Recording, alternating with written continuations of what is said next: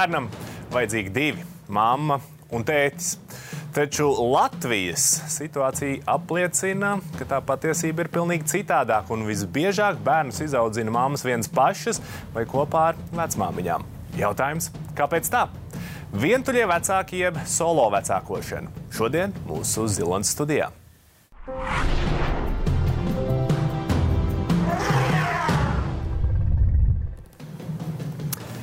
Kā jau ierasts, studijā mums viesi, viesņas. Ar viņām tad arī iepazīsimies. Una Rozenbauma šodien pie mums studijā kino režisore, reklāmas speciāliste un viena audziņa četrus bērnus - Monu, Mīlu, Stefanu un Franci. Bet par Franci man pierakstīts, ka viņš jau laikam jau 18 pāri.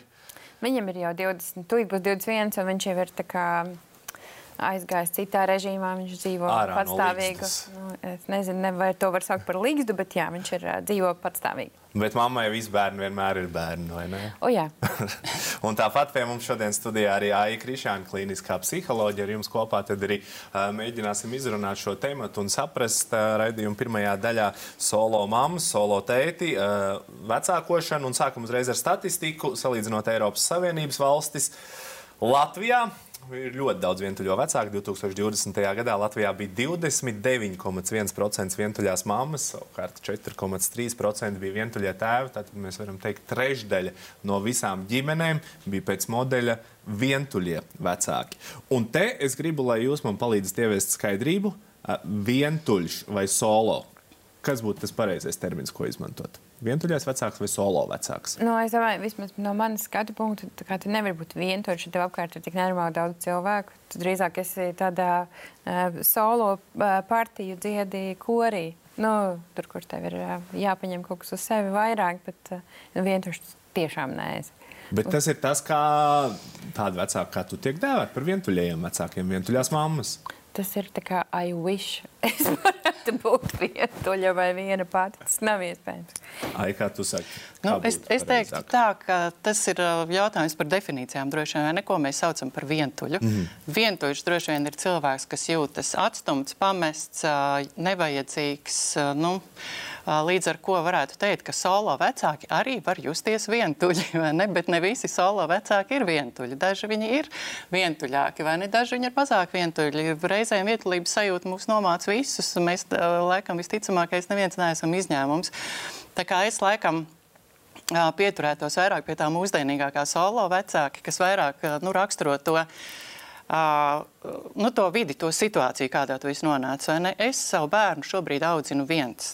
Ne, nevis pāri ar kādu, bet viens. Un, Un tu kādā intervijā esi teicis, ka solo vecāki ir stiprāki par vidējo aritmētisko vecāku. Es tiešām esmu inteliģenta sieviete. Es tik labi izsakos. Es pilnīgi piekrītu savam viedoklim. Nu, kā nu skaidrs, tev jau nav īsti variantu. Tev jau jābūt stiprākam. Bet nevis, nu, es nedomāju, ka, ka, ka kāds no variantiem ir pareizāks vai nepareizāks. Es vienkārši zinu, ka ir. Nu, tad tu nevari paļauties, ka kāds cits paņems pusi, bet tu vienkārši, nu, labi, šo pati paņemšu, šo arī pati paņemšu. Tā kā tu spēlē, nezinu, nu, pret komandu, kurā ir divi spēlētāji vienītī.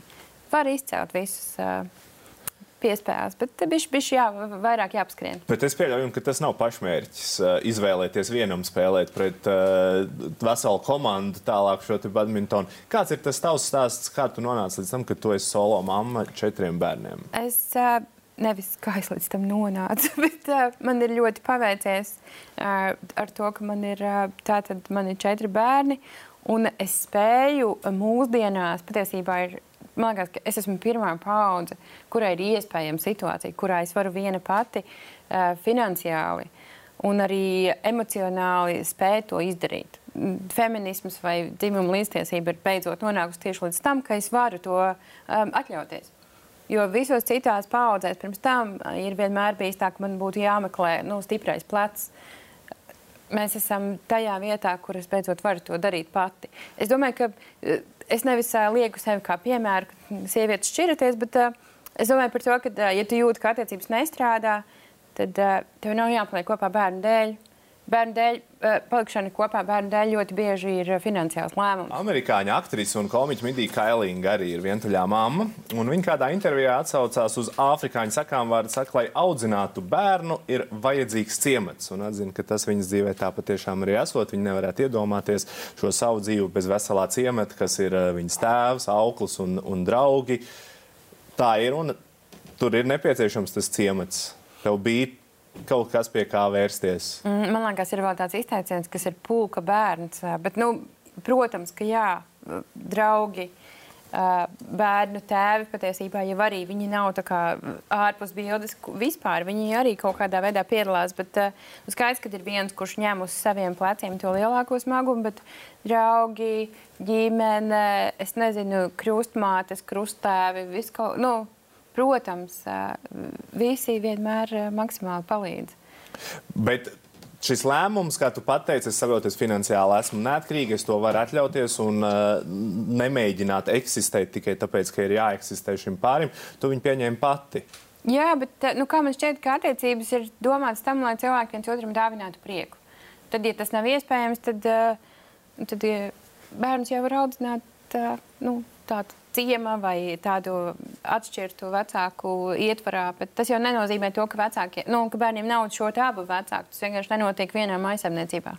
Par to mēs mēģināsim arī saprast, kā to norganizēt. Bet ir tomēr daudzas mammas, kurām nav šāda iespēja izvēlēties, un arī finansiāli tā situācija nav tik viegla. Tā statistika, kā mēs redzējām, ir gandrīz 30% no visām ģimenēm ir solo mammas. Ir kaut kāds skaidrojums, kāpēc Latvijā mēs esam šādā situācijā?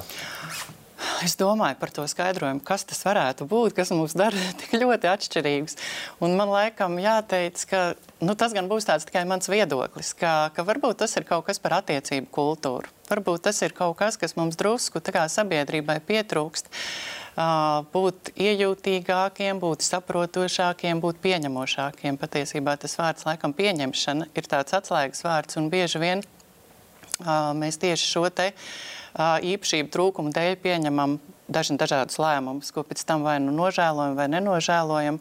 Bet, nu, pēc tam ir dažādām situācijām jāiet cauri tādēļ. Tā kā es teiktu, ka varbūt tas ir kaut kāds tomēr stāsts par to, kā mēs protam, cik izglītoti mēs esam, cik gudri mēs esam veidojot attiecības. Bet mums gribās teikt, ka mēs esam konservatīva sabiedrība, un konservatīvai sabiedrībai ir šī kopā būšana un nešķiršanās. Tāda pretruna sanāk, vai kaut, ne? Kaut kas tur. Tas izskatās. Mums, liekas, ir pie tā konservatīvisma tomēr pie, piestāv vai nāk līdzi tāda zema emocionālā inteliģence mm -hmm. ka tur nav tā iekļaušanas vai iejušanās iespēja, ka tu neredzi nu, līdzīgi. Es domāju, es domāju, ka tos procentus diezgan varētu nedaudz pamainīt arī tās ģimenes, kas ir uh, vienzimuma vecāku ģimenes. Es domāju, ka tur arī procentuāli parādītos mazāk šādu.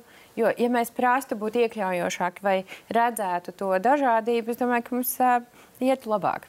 Kā sabiedrība rēģē, kad viņi uzzina, ka tu esi solo mamma četriem bērniem? Kas Mēs ir tas muļķīgākais, ko tu esi dzirdējis? Ar vienu manu um, paziņu vai, vai draudzeni tieši par to, ka nu, tu darba intervijā nekad nevar jautāt, nu, tur, ka, vai tu, kā, cik tev ir bērni, vai tu grasies vēl, ko tu vispār kā, domā par savu dzimumu dzīvi un tā tālāk. Tas ir tā ļoti absurds uh, jautājums, bet, bet stil man liekas, ka to tomēr dara. Mm, un, ja jums darba intervijās kāds to jautā, tad ne, neatbildiet šo jautājumu. Tev ir uzdots tāds jautājums, darba, Nē, par mani reiz. nē, jo es esmu tik ļoti atklāta par to, ka man ir, tātad, man ir četri bērni, un tad, es, un tad visi ir vienmēr tādi. Kā tu domā, ja nu tie bērni saslims? Un tad es vienmēr uzdodu to jautājumu, vai jūs vīriešiem arī jautājat šo? Vai arī tad, kad es teiksim, eju ar draugiem ārā, man vienmēr pienāk kāda sieviete, kur ir bērni? Un es vienmēr atbildu pie tēviem. Nu, jo viņi ir pie tēviem, actually, bet man liekas, un tad es saku, ka nākošais, kad tu satiec kādu vīrieti, kuriem tu zini, ka ir bērni, pajautā viņiem to pašu. Tā kā vīriešiem netiek uzdot šādi jautājumi, arī darba tirgu un tā tālāk. Nu, Liekas, un tā ir tikai daļa no stereotipiem. Mēs arī esam pāris tādus stereotipus mm. apkopojuši, ko interneta zīlēs var atrast. Patiesībā nemaz tik tālu tur nav jāmeklē diezgan ātri. Tas parādās, piemēram, stereotips, ka dēls izaugs par mammas dēliņu, ja viņu audzina mamma viena pati tev jau ir 20 pāri. Nu, man ir Stefans, kuram šogad ir 15, jā. uh, kurš jā, ir ļoti tādā, viņš formējās kā cilvēks. Francim ir 20, vai būs 21. viņš ir jau pieaudzis un tāds ļoti maskulīns. Uh, ja viņi ir iz, izskatās pēc manis, jau kādā veidā es tikai lepotos ar to, ka es esmu tik maskulīni izrādās iekšēji. Bet ir pastāv kaut kāds risks, ja bērns redz tikai un vienīgi mammu un tēti neredz, ka viņam varbūt šīs sabiedrības pieprasītās vīrišķīgās īpašības vienkārši nav. Pastāv tāds risks, vai ne? Tāpat kā dzīvē pastāv ļoti daudz un dažādu risku. vai ne? Arī šāds risks pastāv. Protams, ka viņš pastāv, bet uh, tas nenozīmē, ka tas vienmēr tā ir. Tas tieši tā kā tu saki, tas ir risks. Jā, tāds risks pastāv, jo mēs esam dažādi. Un, un solo mammas ir dažādas. Un viena ir tāda, kas varbūt to bērnu nu, nemaz, nemaz no sevis nepalaiž projām, vai ne? Un es izdarīšu vienu pati visu, un man, mans, mans mīļais dēliņš. Uh, otra arī teiks, mans mīļais dēliņš, bet skatīsies drusku racionālāk uz šo te, kas manam dēlam ir jānodrošina tāds, ko es kā sieviete Viņam nevaru nodrošināt, un es pieņemu, ka es nevaru, jo es neesmu vīrietis, es to nevaru izdarīt, vai ne? Un tad uh, gudra un racionāla būtne būdama, es domāju savā paziņu lokā, savu to radinieku lokā, kurš būs tas vīrietis, vai ne, ar kuru mans dēls uh, bieži tiksies, lai viņš sajūt to vīrišķo, lai viņš ieaudzina. Uh, tas otrs cilvēks, lai ieaudzina viņā šīs Tas lietas, ciems, ko tas es, ir, kā, tas ir Tas ciems, jā. vai Tas ne? ir tas ciems. Ko es kā sieviete vienkārši es nevaru, un man nemaz nevajag to darīt. Un tur arī jāpieminē, tas arī ir viens no stereotipiem, ka solo mamām esot grūtāk no bērna atdalīties arī pēc bērna pieaugšanas. Man ir brālis, kurš ir absolūti, viņš ir jahtas kapteinis, viņam patīk medīt un tā tālāk. Es baidos par to, ka viņš tos manus dēlus padarīs par tādiem pārāk mm, flintstoniem, nu, ka tas ir bijis pat traku. Uh, bet jā, nu, es domāju, ka tas ir arī tas, ko tu ļauj. Un ja tu tajā bērnā mm, ieliec tikai sevi, un tikai viņu gribi redzēt, tad tas ir vienkārši bīstami. Un tad vēl ir kāds stereotips, bet varbūt jūs teiksiet, tas ir reāls fakts, ka šādas ģimenes, solo ģimenes ir pakļautas nabadzības riskam.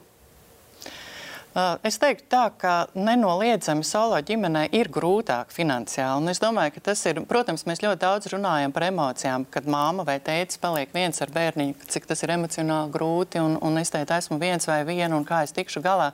Bet tomēr ļoti lielu daļu, man liekas, to domu, kas tajā brīdī ir vecāka galvā, aizņem arī tā finansiālā puse, vai ne? Kā es tikšu ar to visu galā, kā es šito samanģēšu. Un tas, ko tu pašā sākumā arī teici, kā tev klājas, vai ne? Uh, Man liekas, tik tiešām, ka solo vecāku tāds, tāda viena lielā spēja ir nu, tajos labajos gadījumos, ka viņi tik tiešām tiek galā, ir tāds burvīgs menedžeris viņš ir, ka viņš visu tā kā māks samanedžēt, vai ne savas finanses, uh, savu dienas kārtību, savu uh, to ciemu, mm -hmm. vai ne, par ko mēs arī runājām, bērnus un tā tālāk un tā tālāk. Tā ir tāda, tāda, tāda liela nu, va vadītāja prasme īstenībā, kas ir jāliek lietā, lai ar to tiktu galā, un finansiālais pilnīgi noteikti ir tāds ats atslēgas punkts, jā. Pirms mēs dodamies pauzē, ā, noslēgumā vēl kāda anekdote no interneta par to Latvijas situāciju, kur ir šī milzīgā homofobija. ka Homofobijas lēkmes šķiet īpaši dīvains valstī, kur lielākā daļa bērnu uzaug divu sieviešu audzināšanā, mammu un vecmāmu audzināšanā. Pēc brīža tiksimies ar solo tēti.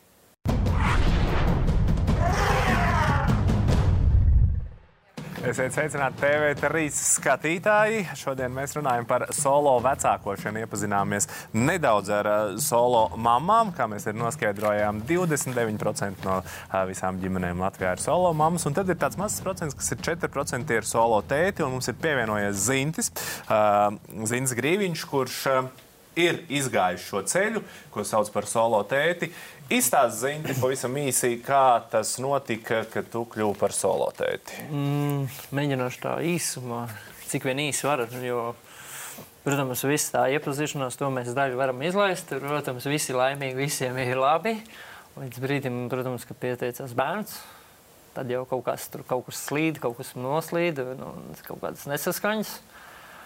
Uh, Protams, pirms tam es mācījos mākslas skolā, mm, paralēli mūzicei. Gribēju izveidot savu mūzikas karjeru un nodarboties ar reklāmas, video reklāmas, tā kā tādu mūzikas skaņas celiņu. Tas tas, ko es daru. Jā, un, protams, tie sapņi sagrauj, jo daudz kas mainījās dzīvē. Nu, nu, nu, protams, meitene arī zina, ka domāju, ah, mūziķis, mākslinieks, tā jau kaut kādas iespējas, zina, kā, nu, varbūt viņi bišķi pār, pārtvēra. Un, protams, man tādā laikā jau kaut kāda cita plāna bija. Un, un, meitene forša viss. Un tad, kad pieteicās bērns, tad jau tad kaut kā sāk kaut kā svārstīties man tā doma par to mākslu vai, vai reālo dzīvi. Jo mākslinieki lielāko daļu lido pa mākoņiem. Bet tad, nu, tad jums tās attiecības izjūta. Ja tad par lielām izjūta, jā, sapratu, ka tas mākslas virziens man neattīstīsies tik labi. Tad tas viss pajuka.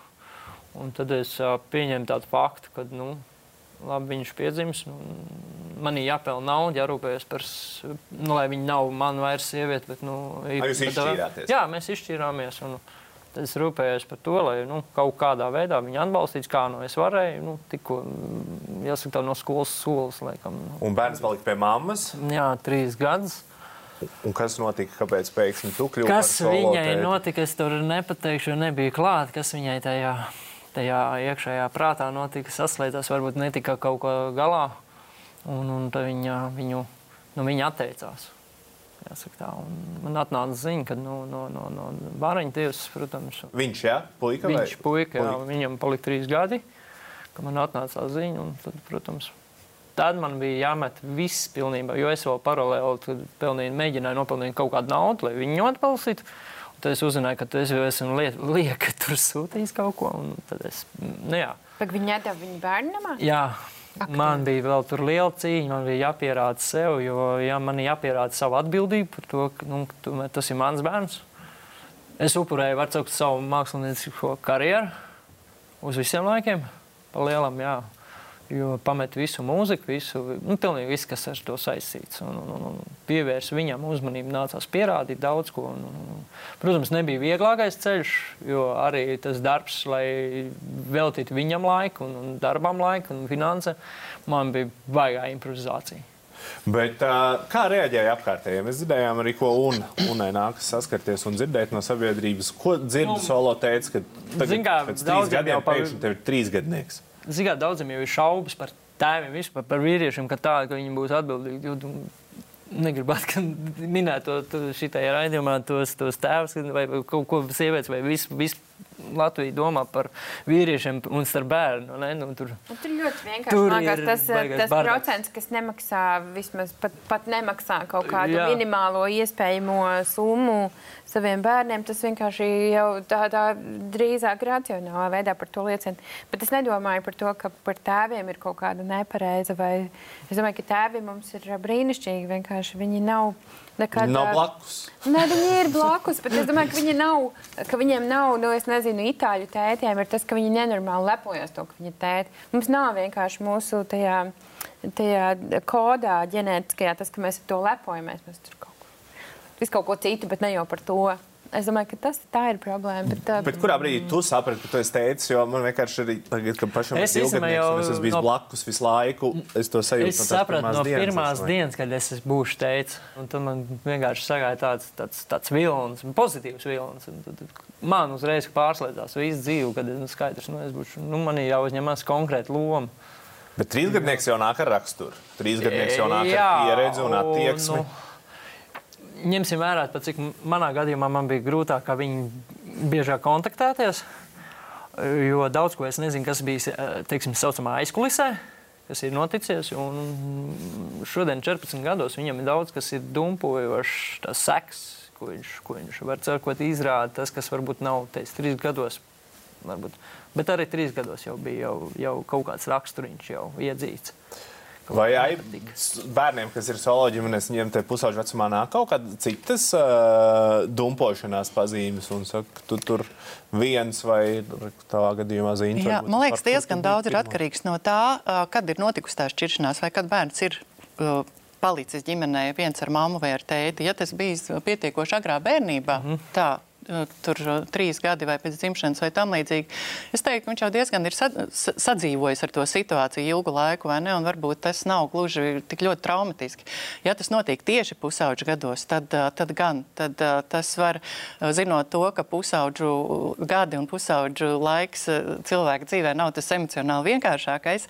Ja vēl nāk šī trauma klāt, tad gan tur varētu parādīties nu, vairāk tādas nianses nekā parastam tādam vidējam pusaudzim, ja tādu vispār mēs varam kaut kā noraksturot.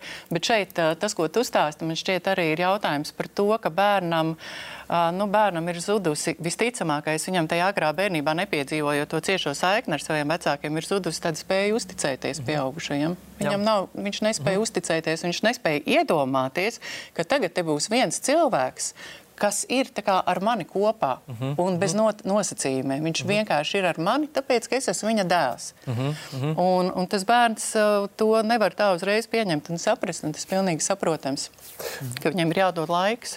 Par uh, tēvu un uh, dēlu attiecībām ir viena brīnišķīga multfilma, ko daudz eksperti sauc par vispār paraugu solo vecāku būšanā. Tā ir multfilma ar nosaukumu Meklējot Nemo, kur tā tad pazūd mazais uh -huh. Nemo, un tad nu, tēvs viņu dodas meklēt, pastīsimies vienu fragmentu no multfilms. Whoa! Nemo! Where's Dan's Cool? Nemo, don't move! Don't move! You'll never get out of there yourself. I'll, I'll do it. All right, where's the brake? You feel a break? No. Sometimes you can't tell because fluid is rushing to the area. Now, any rushing fluids? No. Are you woozy? No. How many stripes do I have? Five. Answer the stripe question. Three. No! See, something's wrong with you. I have one, two, three. That's all I have?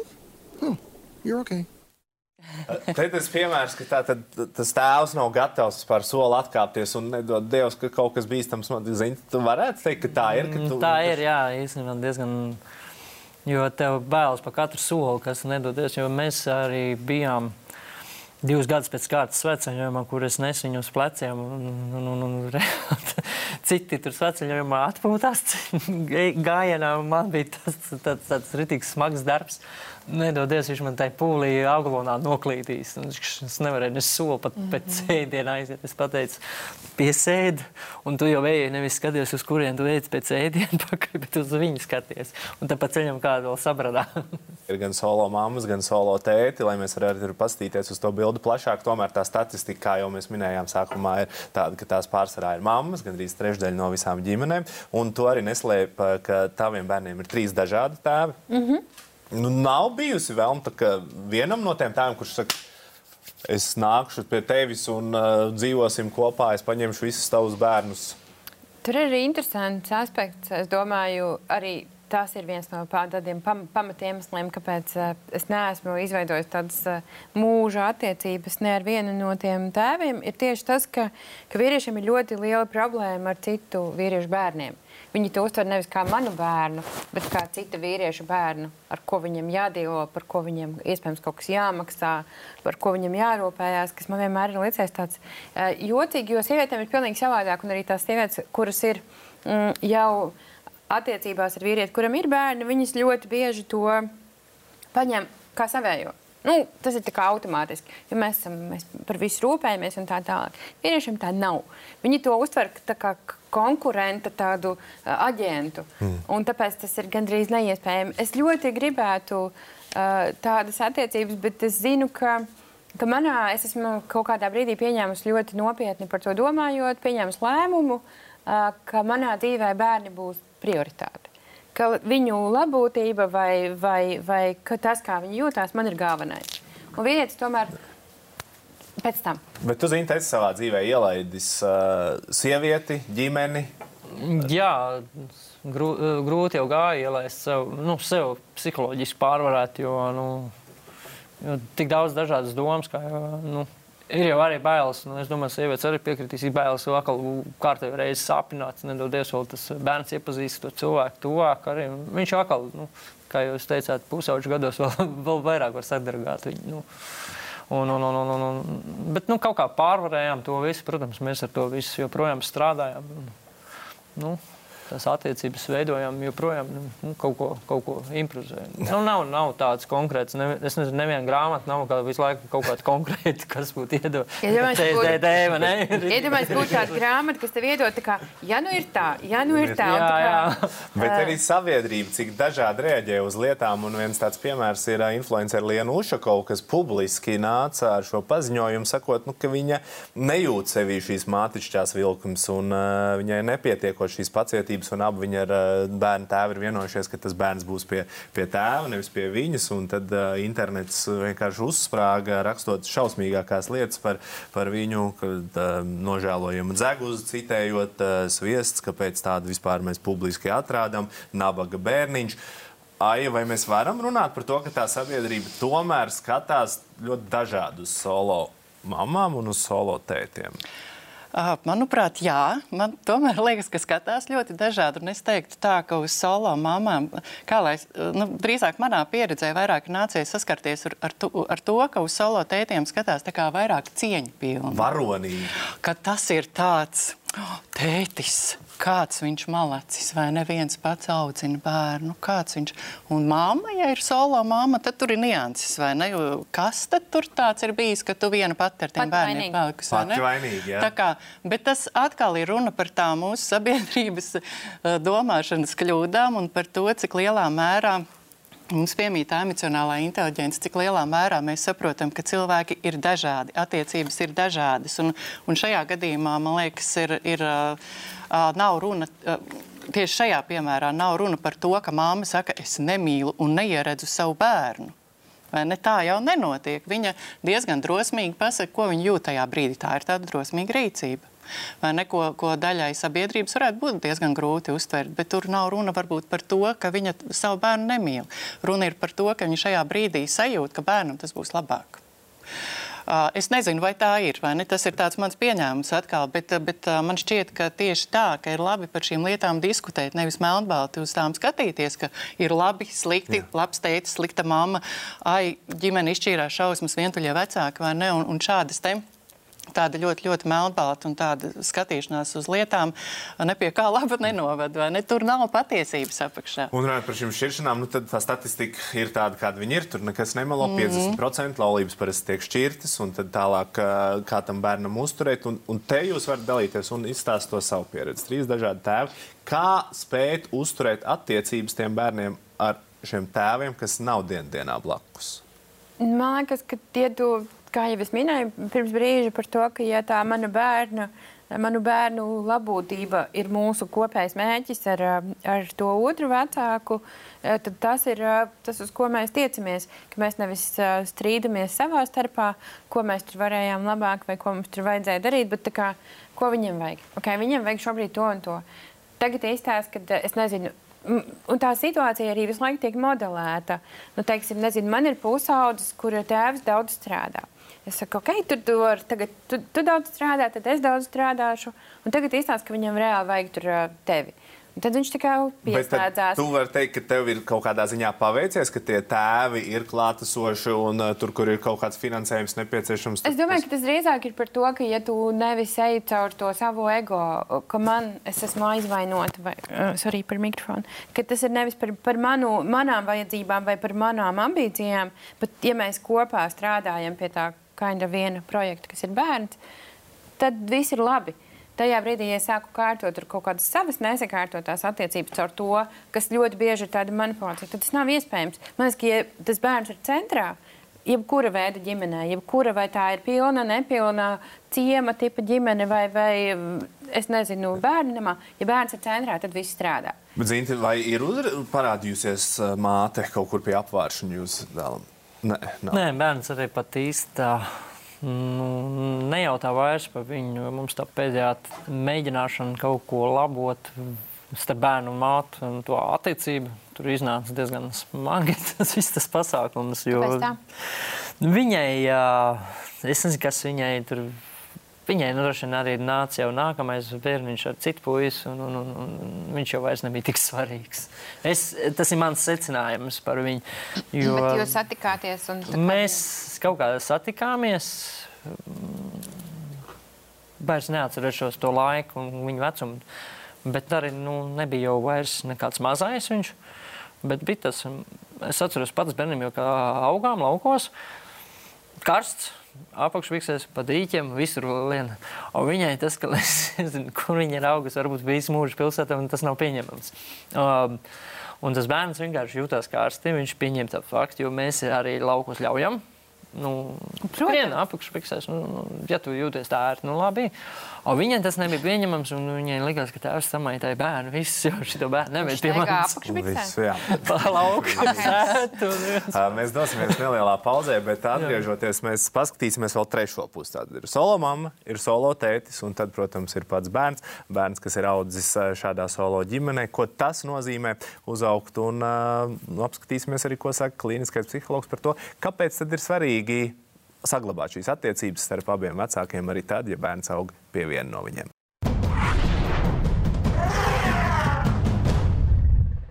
Solo vecākošana ir mūsu šodienas zilonas studijā. Zilonas, kas eksistē sabiedrībā, jo tā nu tas ir. Ļoti daudz ģimenēs modelis ir pavisam vienkāršs. Ir vai nu viena mamma, vai arī viens tētis. Un, protams, tur pa vidu ir arī bērns. Un šajā reizē mums ir pievienojies arī Jānis eh, Sniedzants. Sveiks, Jāni! Un uh, tu bērnībā zaudēji tēti. Jā, jā, Un jā. tevi audzināja pat ne mamma, es pareizi saprotu. Uh, tur dalījās. Man ir bijuši dažādi posmi. Man uh, bija posms, kad, nu jā, kad nomira tēvs, tad uh, es ilgu laiku, nevis ilgu laiku, pāris gadus dzīvoju ar mammu. Un tad manu audzināšanu pamatā pārņēma tante ar krusā. Un tad es kaut kādu laiku pie viņiem dzīvoju. Līdz notika negadījums ar tantu, un tad es pamatā atgriezos atpakaļ pie savas mammas dzīvoties. Bet nu, mana mammas laika kontakts bija. Vienkārši mamma ļoti, ļoti ņemot vērā to, ka man ir arī divas māsas, kas ir vecākas par mani. Un, un, un, un, un, un, un, un mammai vienai pašai bija daudz kas uz saviem pleciem jāvalk. Tad, ā, tad jā, vieglāk bija, ka es laikam dzīvoju pie tantes tajā brīdī, kas varēja gan finansiāli, gan visādi citādi to nodrošināt. Un, nu, jā, man dalījās, bija tāds posms un tāds. Nu, skaudrs ir tavs stāsts, un tavā gadījumā tur nebija šī izvēle kontaktēties ar tēti, jo tēti jūs zaudējāt bērnībā. Mm -hmm. Bet tās ģimenes, kurās ir šīs šķirtās ģimenes modelis, mēs jautājām psihiatram, kāpēc ir svarīgi saglabāt šo kontaktu bērnam starp abiem vecākiem. Ā, Nu, bērnam ļoti svarīgi ir sajust, ka viņš ir dzimis divu pieaugušu, mīlošu vecāku mīlestības rezultātā. Ā, Jo sanāk, kad ā, ja vecāks saka, nu, teiksim, mamma saka, nu, tas teicis ir pēdējais draņķis un alkoholiķis, un, teiksim, ja, mam, nu, ja tētis to pašu par mammu stāsta, ja, kad tā mamma galīgi nekam nedara, ja, pinās ar visiem vīriešiem pēc kārtas. Sanāk, kad, uh, nu, kad uh, bērns, kurš to dzird, viņš pats jūtās slikts, nu, teiksim, zēns, kurš dzird, ka tētis ir bijis galīgi nekam nederīgs, nu, principā viņš pats jūtās nederīgs, ja, jo sanāk, uh, nu, vismaz puse no bērna uh, tiek padarīta tajā brīdī par sliktu, ja, mēs visi esam cilvēki. Un, Jā. un uh, visiem ir kaut kādas sāpes, un tu smaidi. Nu, kā to var uh, nomaskēt, noslēpt? Un, vai tas vispār ir ā, iespējams? Uh, uh, Neteikt sliktu, Neteikt sliktu blakus. Tas ir partneris. iespējams. Ja mēs esam pieauguši cilvēki, ja mēs esam gan attīstīti pieauguši cilvēki, tas ir iespējams. Jo šī gadījumā runa tiešām ir par to, ka caur bērnu mēs risinām savas problēmas. Caur bērnu mēs risinām savas attiecību problēmas ar nu, jau eks-partneri. Tas ir ļoti, ļoti negodīgi pret bērnu. Un tas ir ļoti muļķīgi arī tā darīt, jo arī attiecībām tas neko vairs labu nedod. Tā, tā ir tāda nu, savu emociju izlādēšana kaut kādā veidā caur bērnu, bērnam klātesot. Un, un bērnam tas ir ļoti sāpīgi, jo bērns, tas, ko arī šeit minēja Sižetā, ka bērns kā vienu pusi no vecākiem pazaudēja, viņš bērns mīl abus vecākus. Lai kā tur arī nebūtu bijis, bērns mīl abus vecākus. Un kas ir interesanti, starp citu, ka, ka bieži vien bērni pat ļoti idealizē to vecāku, kas ir aizgājis un kas nedzīvo ģimenē. Un viņi, viņi viņu kā, nu, skatās uz viņu ar tādām acīm, ka viņš ir absolūti labs šis pieaugušais un, un ka viņam tiek darīts pāri.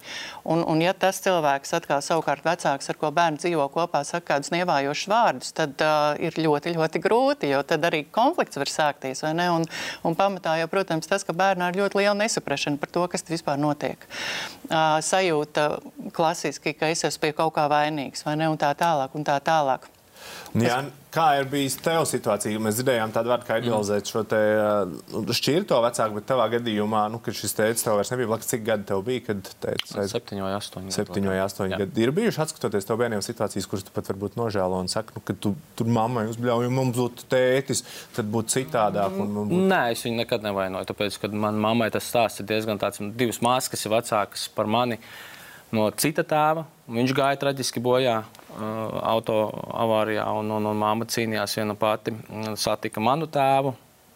Es piedzimu 7, 8 gadi, tad viņš nomira. Un, uh, es viņu nekad nevainoju, māmu. Nē, nekad, nekad neteicu, jo es, es redzēju, kāds tēvs bija. Es redzēju, kādas viņam bija problēmas. Viņš arī nu, man acu priekšā nomira tajā brīdī, kad es biju maziņš. Uh, es redzēju, cik viņa daudz cenšas, cik viņa daudz dara. Un, uh, varbūt es laikam drīzāk varbūt esmu pārmetis par to, ka viņa tik daudz darīs, viņa tik maz redzēja. Un tad varbūt, kad zini, kā kaut kur skolā kaut kas neizdodas, vai tur, vai tur rajonā, kur es uzaugu, tur bija diezgan tā, kā bija. Ja? Un es lielāko daļu pa lielam arī esmu viņā uzaudzis. Un, uh, kad kaut kas tur nesanāca, tad es pārmetu un teicu, tādas tā kā dusmas sevi, bet uz viņu es laikam nekad neizlādēju ārā. Neteicu viņai, ka tu esi pie kaut kā, nekad ne, neesmu viņu vainojis. Ne. Par rajoniem runājot, reperis 50 Cent Jā. arī ir uzaugusi ģimenē bez tēva, un viņš ir atzīmis, ka viņš ir pieļāvis daudz kļūdu. Un, ja būtu bijis tēvs, tad visticamāk viņam ir tā sajūta, ka viņš būtu varējis apturēt, viņš būtu bijis mm. klātesošs. Tas kaut kā sasaucas ar to, ko tu saki. Man ir bijis bieži vien ne, ne, pat Es pats brīnos, es nodarbojos ar, šobrīd ar tādām nu, diezgan vīrišķīgām lietām, tur, kad uzņēmums, kas nodarbojas ar inženieru tīkliem un tā tālāk. Bet līdz kaut kādam periodam es biju tāds, te bija temats par to mammas dēli un tā tālāk. Es ļoti labi komunicēju. Es ļoti labi komunicēju ar sievietēm, es ļoti labi mācīju pārdot un runāt, bet man vienmēr pietrūka tā tehniskā puse. Nu, tā es starp puikām vienmēr biju tāds, kurš man ne tā skrūvēšana patika, ne man tur ne, ne, ne, nekas no tā nepatika. Es bumbu dzināju no rīta līdz vakaram. Sports bija tā mana stēle, jā. Bet, uh, nu, iespējams, ja viņš būtu man bijis, būtu daudz kas savādāk. Uh, Kas Bet būtu savādāk, tavuprāt? Es domāju, ka varbūt es nenodarbotos iespējams ar to, ko nodarbojos. Es domāju, ka es, nezinu, es kaut kā varbūt es būtu bijis savādāks. Laikam.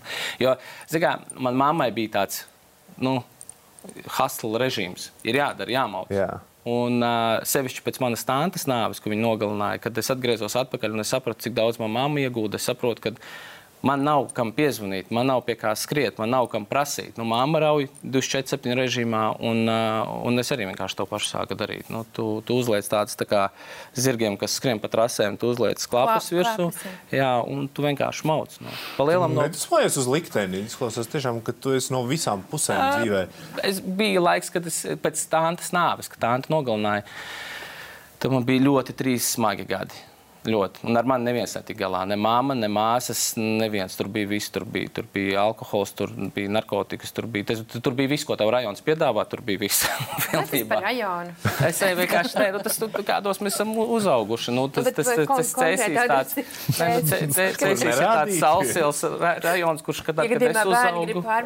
Jā, nē, tad, kad, tad, kad, kad es uzaugu, bet tas tajos gados jau, man liekas, visur bija, kur varēja pa muti dabūt un visu, ko varēja dabūt. Nu, kas tev motivēja atgūt? Atgriezties? Man, zini, kā. Uh, Es satiku vienu cilvēku, kā, uh, es biju nonācis jau līdz tādam probācijas dienestiem, jau līdz tam apmēram jau visam. Un tur es satiku vienu speciālisti, kas bija, saprotu, vai psiholoģija, psihiatri, laikam, es nezinu, laikam jau psiholoģija. Un sarunā ar viņām es kaut, kā, kaut ko atradu sevī. Un viņa teica, viņa saka, ja tava tante, ja tu tik ļoti ideoloģē viņu, nu, vai viņa lepotos ar tevi šobrīd, un tas bija kaut kāds, tas man laikam tas klikšķis, ka es sapratu, ka nē, viņa, viņa tik daudz ko labu darīja. Uh, mums bija viens uzvārds ar viņu. Uh, Un, kad es grauju to visu, ko viņi bija pacēlusi, nu, es vienkārši sāku, es, es pārslēdzos un kaut kā sāku baigi nenormāli daudz strādāt, ļoti labi mācīties skolā. Un paralēli vidusskolē es gan mācījos, gan strādāju. Nu, kaut, kaut kā tā, es saprotu, nu, atskatoties, pieņemsim, kaut kādā brīdī, jo tad es mēģinu darīt tā, tad, kad tu kaut ko sasniedz, kaut ko nopērci vai kaut ko iegādājies, vai vienalga kā savādāk. Pat tagad es citreiz mēdzu aizbraukt uz tām vietām, kur es staigāju, ka man nekā nebija. Nu, kur es sēdēju, jā, nu, kur kaut kur stadions ir viens, kur es staigāju uz rīņķu un tā tālāk. Un es mēdzu aizbraukt Un tu atskaties, tu saproti, kur tu esi, kur tu varēji būt un kur tas varēja varbūt Wow. izbeigties un tā tālāk. Nu, tu kaut kā sevi mēģini. Nu, kad, kad vienmēr atceries, no kurienes tu nāc, no kurienes tu sāki, kur tu biji, kur tu varēji būt un kur tu esi nonācis. Un viss šī pieredze, un arī tas, ko tu dzirdēji, par ko mēs runājām, ka tēviem, ja vīriešiem ir grūti pieņemt citus bērnus, Jā. ir tavu dzīve vēl aizved uz tālāk, un tu esi šobrīd attiecībās un Jā. audzini ne savas bioloģiskās Jā, meitas. jā, jā. Ko tas tev nozīmēja? Cik viegli ir pieņemt? Zini, kā sieviete ar saka, viņam tas bioloģiskais pulkstenis ir. Un večiem, man liekas, mums ir tāds finanšu pulkstenis, manuprāt. Ja es nebūtu ticis līdz tam brīdim, kad es satiku Madaru, kad es zinu, ka es varu par viņām parūpēties, es visticamāk būtu ieslēdzis atpakaļgaitu un nu, nebūtu. Ne jau tāpēc, ka nepatīk, ka tu neiemīli cilvēku vai kā savādāk. Manuprāt, arī varbūt tas, kāpēc Latvijā ir tik daudz. Es domāju, tas ir tā finansiālā problēma, kad vienkārši vīrieši viņi tu nespēji, kā, tu zini, ka tu nespēji parūpēties, vai tu baidies, ka tu nespēji parūpēties. Un tāpēc arī tu kaut kur mūc uz ārzemēm, brauc vietu. Varbūt dzīvo viens pats, vai dzīvo šo vecpuļu dzīvi, jo tā ir vienkārši vieglāk, izdevīgāk un tā tālāk. Un, Lētāk sanāk. Nu, lētāk, jā, pa lielam. Un, uh, un es viņu satiku, un, uh, nē, nu, protams, tu iemīli cilvēku, un tu saproti, nu, tā, tā, tās, tās ir viņas meitas. Tā, sac- tā, tā jūs teicāt par to, ka um, uztver tos bērnus kā cita vīrieša. Nē, Jā. vispār, nē. Tas, tās ir viņas meitas. Viss. Es tā arī to uztveru, un, un, un, un tā mēs arī dzīvojamies. Un, nu, Un vienkāršākais problēma risinājums ir aizmukt no problēmas projām. vai ne? Bet vai tas ir risinājums? Bet vai, tas ir, vai tas ir risinājums? Jā. Uh, ģimenes nelaimīgas aija noslēguma vārdi, uh, kur vecāki nav nekādā veidā priecīgi par to būšanu kopā. Tu saki, vieglāk viņiem ir turpināt un meklēt kaut kādus risinājumus, vai iet to ceļu un teikt, mēģināsim dzīvot atsevišķi un audzināsim to bērnu kā solo Es vecāku. domāju, ka ir vērts izmēģināt visu. Pirms eh, pieņemt to lēmumu, ka šķirties ir vērts izmēģināt tiešām, bet no sirds abiem diviem izmēģināt visu, gan terapiju, gan eh, nu, mēģināt, mēģināt, mēģināt, vai ne? Jo tas ir gana tomēr tāds nozīmīgs solis. Un, un tur esat iejaukti ne tikai jūs divi, bet arī bērns, kas dara to vēl nozīmīgāku. Tāpēc pamēģināt visu. Un ja pēc visa pamēģināšanas arī ir skaidrs, ka tā dzīve nenes vispār nekādu prieku, bet drīzāk otrādi, tad, nu, tad, tad, tad varbūt tiešām pienāca laiks šķirties un izdarīt to tā, lai pēc iespējas mazāk ciestu gan paši, gan bērni. Es teikšu paldies Aitei, es teikšu paldies arī Unai Jānim un arī Zintim par viesošanos un dalīšanos savā pieredzē un par spēku TV ekrānos un sabiedrībā. Uh, vairāk par šo tēmu lasiet TV3.CLV slīpsvīteres zilonis, kā arī klausieties mūsu sarunas visās raidierakstu platformās, meklējiet zilonis studio, uh, studijā audio formātā. Paldies, tiekamies citreiz!